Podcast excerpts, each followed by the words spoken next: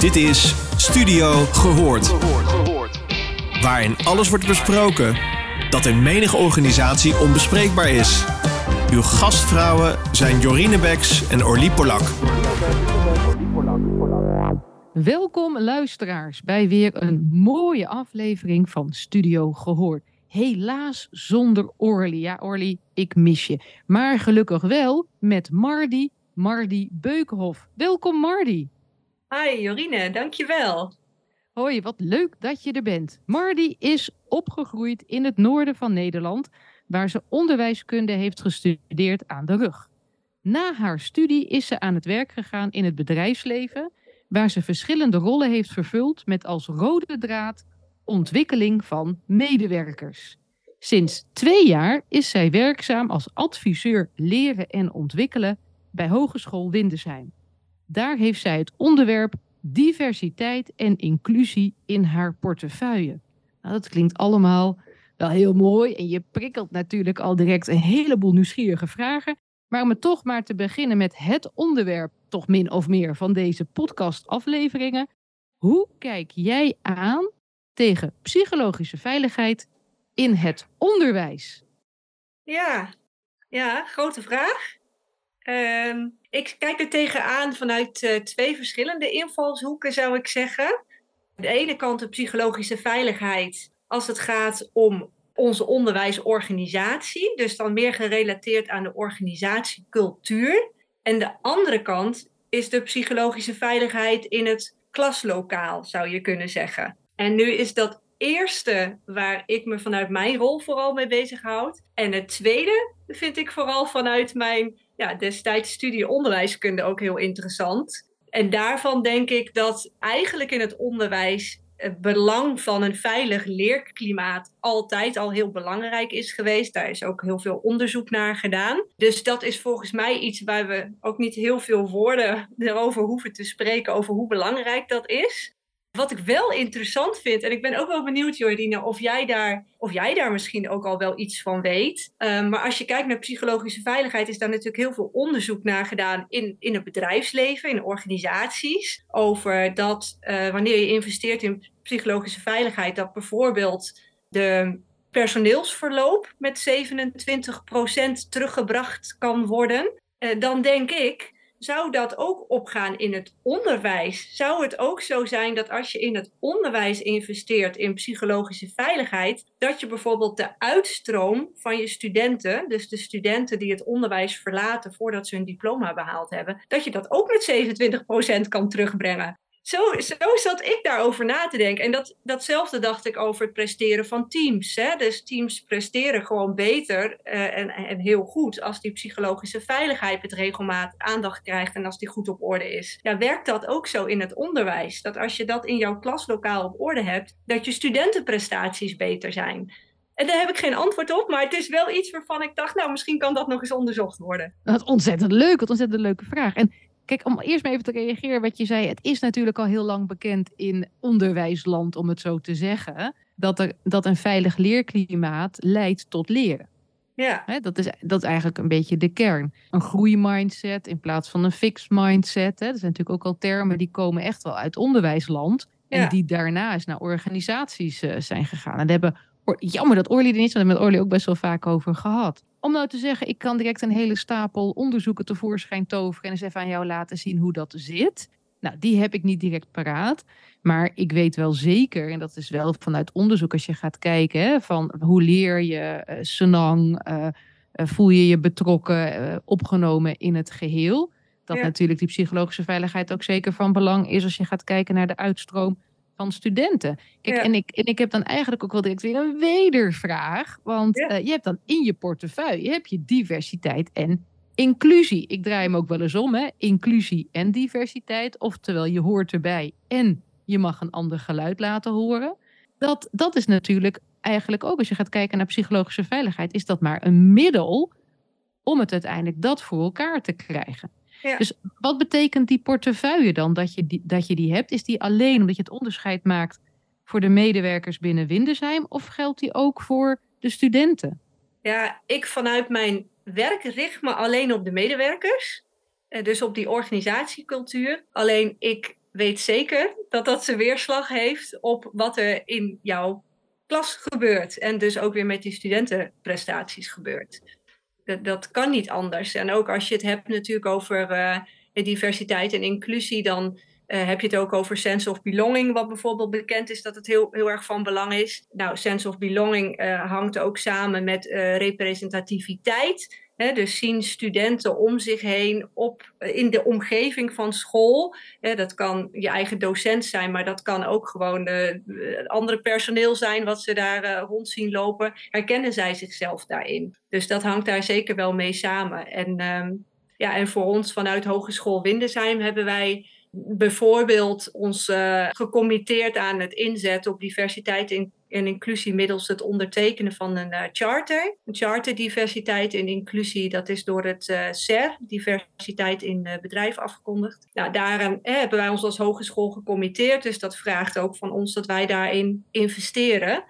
En daarnaast is het ook nog onze, onze huidige koers. De missie die wij verwoorden gaat over het actief bijdragen aan een duurzame en inclusieve samenleving. Dus daar komt ook die inclusie terug. En daar is die ook heel breed. Hè? Gaat het dus ook om echt de samenleving. En probeer ik het altijd kleiner te maken. Naar, wij zijn als Windesheim ook een samenleving in het klein. En alles wat er in de bredere samenleving gebeurt, gebeurt ook bij ons op onze hogeschool. Dus alles wat wij doen om te investeren in diversiteit en inclusie, heeft uiteindelijk ook weer zijn weerslag op de samenleving. Wat, wat, mooi, wat mooi verwoord. En als je nou gaat kijken naar diversiteit en inclusie, en die psychologische veiligheid. Hoe zijn jullie daarmee aan de slag binnen Windesheim?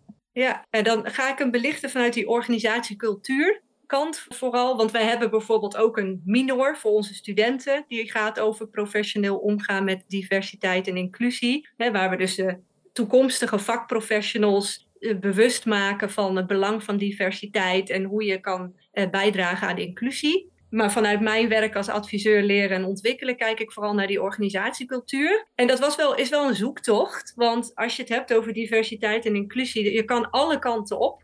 Je kan aan zoveel knoppen draaien om daar iets uh, mee te gaan doen. En dat is geweldig, maar daar moet je wel geld voor hebben. En je moet dus keuzes maken. Dus ik ben vooral toen ik uh, twee jaar geleden bij Winnesheim binnenkwam en zag dat die, eh, onze strategische koers, uh, diversiteit en inclusie, belangrijk naar voren schuift. Dacht ik, nou, wat, wat, doen wij dan om onze medewerkers te faciliteren in in hun ontwikkeling? En dat was, zoals ik dat op dat moment zag, nog niet heel erg veel. Dus toen ben ik vooral gaan kijken naar wat ja, wat voor onderzoeken zijn hier al over gedaan? Eh, waar, waar zou je het beste kunnen beginnen? En waar ik vanuit uh, mijn rol binnen onze Corporate Academy, dus de interne academie voor leren en ontwikkelen, heb opgezet, is in ieder geval een leergang voor leidinggevenden. Die dan aan de slag gaan met psychologische veiligheid. Wat is dat? Waar hebben we het eigenlijk over? Uh, nou, en welke knoppen kan je draaien? Hoe werkt het? En ook die vraag, hoe kan je dat werkend krijgen? Want er zijn denk ik genoeg mensen die misschien wel ja, weten hoe het werkt, maar dat wil nog niet zeggen dat je toe kan passen binnen je eigen teams. Dus dat is het eerste waarvan ik dacht, nou, psychologische veiligheid is zo'n voor mij zo'n algemene basis om te gaan werken aan uh, vooral die inclusie. want diversiteit zie ik als iets, dat doen we heel erg vanuit de start. bij de werving, dat je zorgt dat je uh, die, je vacatureteksten zo opstelt dat je een diversiteit aan mensen aantrekt dat je diverse social media gebruikt om uh, je vacatures onder de aandacht te brengen. Dat je kijkt naar je selectieproces, hoe doe je dat? Dus dat is de diversiteit in je hogeschool binnenhalen. Maar als mensen eenmaal binnen zijn, dan wil je ze ook binnenhouden. En je wilt die diversiteit ook kunnen benutten. En we weten natuurlijk ook, daar waar diversiteit is, gaat het juist ook wel eerder schuren. Dus je hebt daar echt wel iets in te doen. Ja, want hoe zit dat met de diversiteit binnen Windesheim? Heb je het idee dat dat goed is? Moet dat meer? Schuurt het al echt? Ja, ik, het verschilt. We hebben ook twee uh, onderdelen. Dus één onderdeel in Almere in Flevoland en we hebben een onderdeel in Zwolle. Ik heb niet alle cijfers paraat en het is ook maar net naar welk onderdeel van diversiteit kijk je. Maar als je het bijvoorbeeld hebt over culturele diversiteit, dan zien we daar al wel een groot verschil alleen al tussen Almere. Als je kijkt ook naar studentenpopulatie, maar ook als je kijkt naar medewerkerspopulatie en naar Zwolle. dat daar al grote verschillen in zitten. Dus wat, wat ik heb zien gebeuren is dat er in Almere al eerder geïnvesteerd is in diversiteit en inclusie. Die hebben al eerder gezegd, we gaan er geld voor vrijmaken om hier werk van te maken. We gaan met trainingen aan de slag. Daar hebben ze bijvoorbeeld uh, al dialogen gevoerd over diversiteit en inclusie. Echt een open gesprek voeren met elkaar. Wat betekent dat nou voor jou? Wat doet het met jou? En die stap hebben ze daar al gezet. Omdat dat, denk ik, gewoon al veel zichtbaarder is. Ook hele zichtbare diversiteit zichtbaar was. Daar hebben we iets in te doen. Wat mooi. Eh, in Zwolle zie je dat nu ja, iets wat vertraagd, zou ik zeggen, op gang komen. En als ik dan over de campus loop, dan denk ik wel, als je het hebt over hè, die hele zichtbare culturele diversiteit, die, die kan ik waarnemen. Uh, en dan denk ik, nou, als je naar de studentenpopulatie kijkt, dan vraag ik me wel af, ik heb die cijfers niet uh, paraat hoor, maar dan vraag ik me wel af of ons medewerkersbestand daar een goede ja, representatie nu van is. Ik denk het nog niet. Nee. En wat, nog, wat niet is, hè, lekker dooddoener kan nog komen. En wat je zegt, hè, je richt je er ook op. Als je gaat kijken naar Almere, want Almere is verder dan Zwolle, geef je net aan. Ja. Eh, weet jij wanneer, hoeveel eerder die zijn begonnen? Heb je daar zicht op of niet? Nee, dat, dat, nee dat, ik zou zeggen twee of drie jaar eerder dan dat dat echt uh, bij ons in Zwolle dan daar meer in beeld kwam. Hè? En ook dat ondertekenen van die charter, dat is eh, voor die tijd waren zij daar al bezig. En zij hadden daar al een, een werkgroep die echt heel specifiek uh, zich bezighield met ja, diversiteit en inclusie. Als je gaat kijken naar de verschillende lagen binnen Almere, want jij zit natuurlijk meer op die organisatiekant ook. Zie je dan per laag die diversiteit? Of zie je hem dan, even ouderwets geduid, hè, als de hiërarchie hoger in hiërarchie, wordt die dan minder divers? Ja, vind ik een lastige vraag. Ik weet in ieder geval dat, uh, dat in Almere we wel een, een, directeur hebben die gewoon heel, ja, ook zichtbaar op social media en ook zich heel erg veel inzet als spreker om uh, ja, eh, je dit onderwerp gewoon echt zichtbaar te laten zijn en er het gesprek over aan te gaan. En dus echt een, als je het hebt over ambassadeurs, echt een ambassadeur is om, om hiermee bezig te zijn. In alle eerlijkheid ook altijd, vind ik. Dus heel oprecht en eerlijk komt dat over. En ik denk dat dat wel heel erg meehelpt om daar in ieder geval in, in Almere ook zulke goede stappen te zetten. En dat is ook iemand die zelf dus heeft gezegd: ik maak me er hard voor, ik maak er ook geld voor vrij, we maken mensen voor vrij, we maken uren voor vrij. Dan kun je dat duiden, zeg maar, het goede voorbeeldgedrag? Zeker, ja. ja. En, en zie je dat dan binnen Almere ook verder vertaald? Worden, zeg maar, naar andere de medewerkers die binnen de organisatie, brengen, dat, brengen die dat voorbeeldgedrag verder? Ja, vind ik een lastige vraag. Heb ik zelf te weinig zicht op nog. Ja.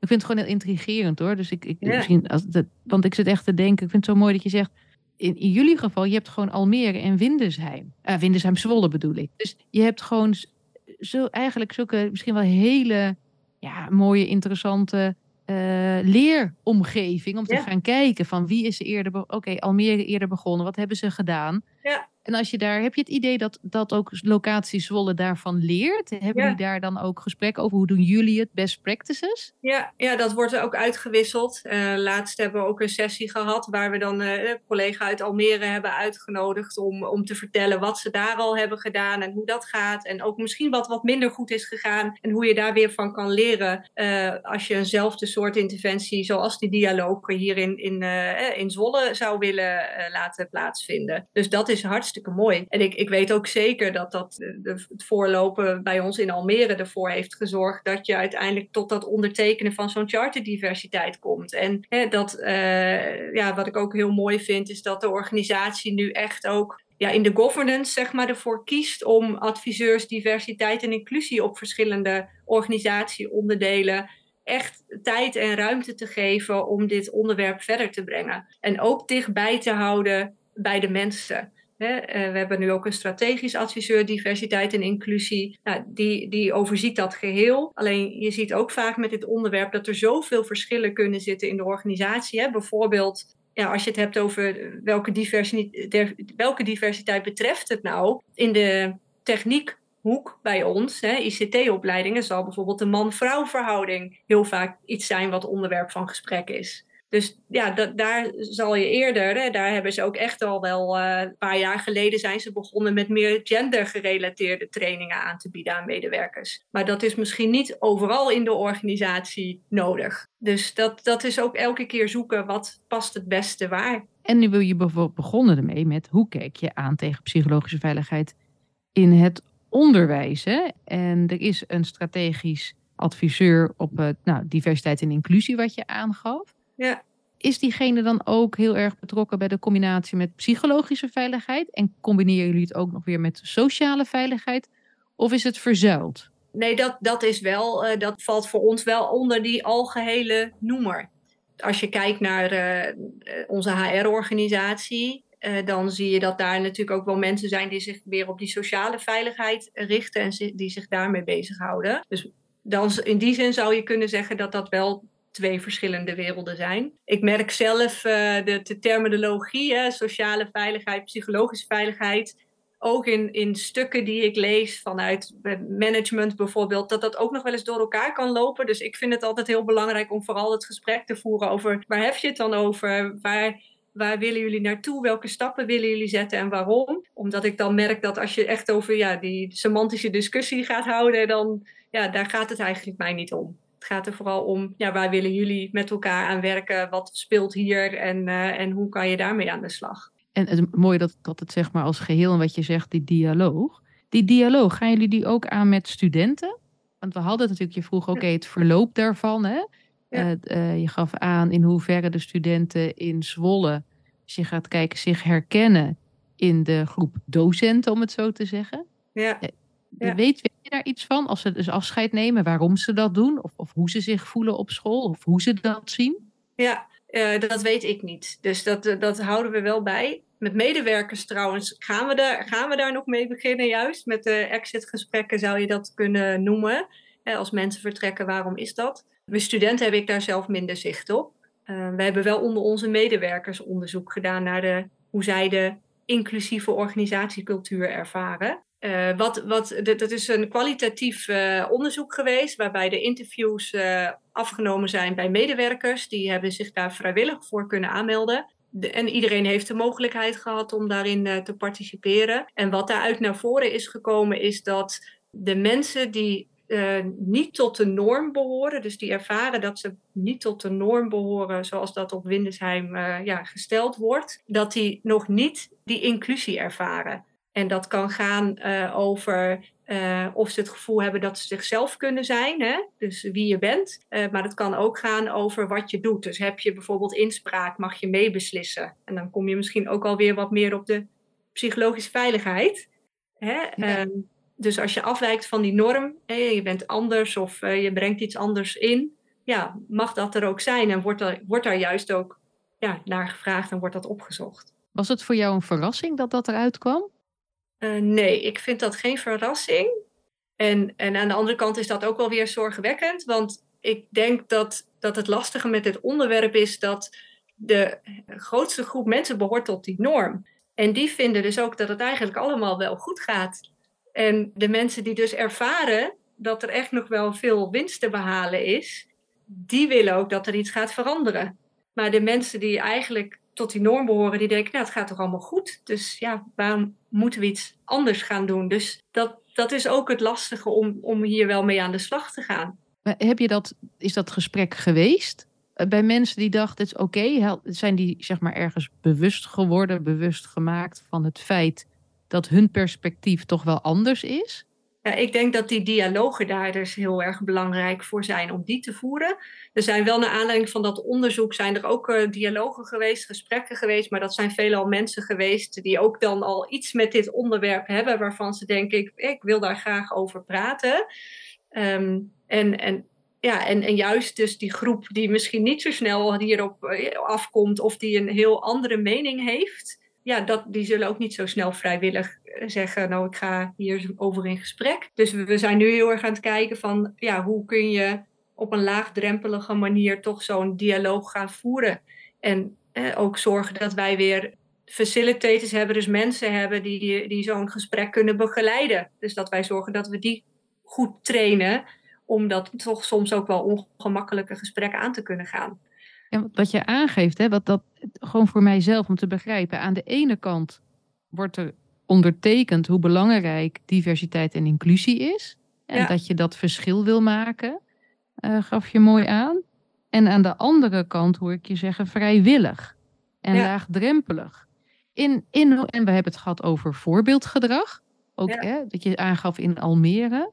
In hoeverre is het binnen Windesheim logisch om anderen een sense of belonging te geven? En in hoeverre spreek je elkaar aan, maak je elkaar verantwoordelijk? En ook vanuit voorbeeldgedrag misschien wel vanuit de top, om het zo te zeggen. En ik denk dat, dat uh, als het gaat over sense of belonging, wat je bij ons heel erg ziet is als mensen de organisatie binnenkomen bijvoorbeeld, hè, dat ze heel erg een warm welkom ervaren. Dus dat is de eerste indruk, eerste gevoel. Alleen als je er langer bent, ja, merk je dan ook dat je jezelf kan zijn. En ik vind het ook wel interessant wat jij aangaf over die verantwoordelijkheid. Is dat ook een gedeelde verantwoordelijkheid? Of kijken we alleen naar die leidinggevende, hè, die daar wel een hele belangrijke voorbeeldrol in heeft? Maar wat kunnen we als ja, gewoon peers, dus collega's onderling, wat kunnen wij bijdragen ook aan die sense of belonging? Dagen we elkaar ook echt uit? En uh, ja, durven we, durven we de andere meningen ook echt op te halen? Ja, en wat is gewenst gedrag, wat is ongewenst gedrag? En mag je ongewenst gedrag vertonen? Want ik begrijp heel goed hè, wat je aangeeft. En misschien ook als ik ga kijken naar onderwijsland, hoe ik het zie, hè, wat ik meemaak. Dus vooral zeggen als het niet waar is. Ja. Eh, is ook wel het, het, het conflictvermijdend gedrag. Of best wel bezig zijn met de relatie moet goed blijven. En als ik nou zeg dat iets niet oké is, ja, wat gebeurt er dan op relatievlak? Straks vindt diegene mij niet meer aardig, niet meer leuk. Ja. En, en dat dan afzetten tegen wat vinden wij oké gedrag? Hoe willen wij dat de cultuur ademt binnen Windesheim? Herken je wat ik zeg? Of zeg je nee, dat hebben we helemaal niet? Ja, ja, ik herken dat zeker. Ik heb zelf in ieder geval ook uh, een paar jaren meer in een soort uh, mannenomgeving gewerkt, noem ik dat dan altijd. In de logistieke sector bijvoorbeeld. Uh, ook een tijd in een sales team. Ehm, mijn ervaring is, is dat er dan veel makkelijker dingen gewoon uitgesproken worden. En dan is het de volgende dag ook gewoon weer goed. En nu werk ik zelf in een team met alleen maar vrouwen ja, dat is anders. En dan zijn we inderdaad heel aardig voor elkaar. Hè? En uh, we hebben oprechte uh, aandacht, we zijn attent. En, maar het is ook wel heel veilig. Hè? Dus echt, ja, de, schuring wat opzoeken is uh, echt wel een grote uitdaging. En ik denk dus ook dat dit ook wel weer binnen Winnesheim zal verschillen hoor. Dus waar je, waar je zit en met welke collega's je werkt. Hè? Wat voor soort tak van opleidingen en wat voor eh, docenten je daar dan uh, treft. Dus ik denk wel dat daar grote verschillen in zitten. Maar wat ik ook wel, wat ik ook wel um, een interessante vind, is als je kijkt bijvoorbeeld hè, naar, de, naar, naar de rol van de leidinggevende en hun voorbeeldgedrag.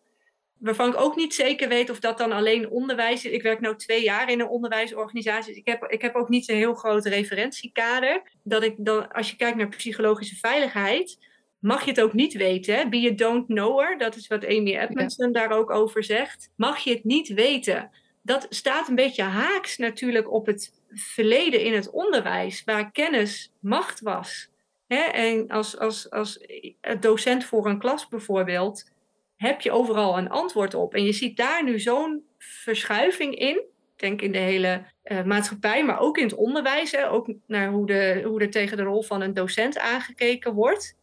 Maar mag je het ook niet weten? En mogen we echt fouten maken? Ja, ik denk dat er een hele generatie nog rondloopt. Nou, inclusief mijzelf. Fouten maken was, werd niet beloond.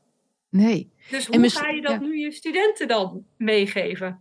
Ja, en ik het mooi wat je zegt. En studenten, maar dus ook de hele organisatie. Want als je natuurlijk bent opgevoed bijna in het hele onderwijssysteem als jij bent de expert en jij weet hoe de hazen lopen, jij weet hoe het werkt, jij hebt vakinhoudelijke kennis. Ja. Dan moet je, wat je net zegt, ook altijd een antwoord hebben. In hoeverre levert dat nou een positieve bijdrage aan het hebben van een groeimindset in plaats van een fixed mindset? Nou, ik denk, ik denk dat, dat op papier dit iets is waar heel veel mensen in het onderwijs zich heel erg bewust van zijn. Hè? Het belang van die growth mindset.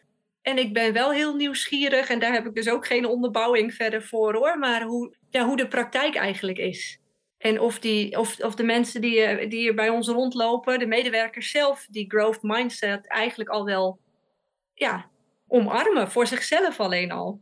Ja, ik hoor verschillende eigenlijk onderzoeksvragen hè? Of, of nieuwsgierige vragen. Hoe zit het een? Hoe zit het ander? Ja. Uh, en tussendoor heb je ook even, ben ik toen niet op ingegaan, even iets over gehad. Over ja, dat je ook dus deelt met Almere. Wat hebben zij geleerd? Uh, wat werkte er in een, ja, te creëren van inclusie, maar toch ook diversiteit uh, binnen hun locatie? Heb jij iets van tips of tops in het geleerde in dat proces, wat je zou kunnen delen met de luisteraar? Dat ze kunnen zeggen: oké, maar dat, dat kan ik ook gaan oppakken binnen mijn eigen organisatie, binnen mijn eigen team. Ja, ik zou zeggen, het voeren van die dialoog en dat ook stimuleren om dat te doen, dat is echt heel erg positief gevallen. Er is ook wel de ervaring, dus het leermoment was. Het is niet zomaar iets wat je even doet. Dus ook de mensen die die sessies begeleiden, ja, zorg dat die de vaardigheden hebben om dat op een veilige manier te kunnen doen. En dat je om kan gaan ook met, met de wat weerstand of het ongemak wat in die gesprekken er juist mag zijn. Dat wil je ook dat dat er is. Alleen dat vraagt wel wat van het begeleiden van zo'n proces. Ik denk dat dat het belangrijkste leerpunt is. En de tip dus is, ga het wel vooral gewoon doen. Laat het niet tegenhouden om die stap niet te zetten. Maar ga het doen en ga weer leren. ja, ga le leven lang leren. En het klinkt ook wel een beetje als een van mijn one-liners. Zonder ongemak, geen, geen gemak. Ja. uh, dankjewel voor deze mooie podcast, Mardi. En heel veel plezier. Want die, die luisteraar die hoort het niet. Ik, hè, die hoort het misschien trouwens wel, maar ziet het in ieder geval niet. De big smile op jouw gezicht als je het hebt ook voor dit onderwerp. Wat een mooie energie. Veel succes en veel plezier. Dankjewel. Dankjewel. Hoi. Hoi. Je luisterde naar Studio Gehoord. Vond je dit een leuke podcast? Laat dan een review achter bij jouw favoriete podcastplatform. Tot de volgende!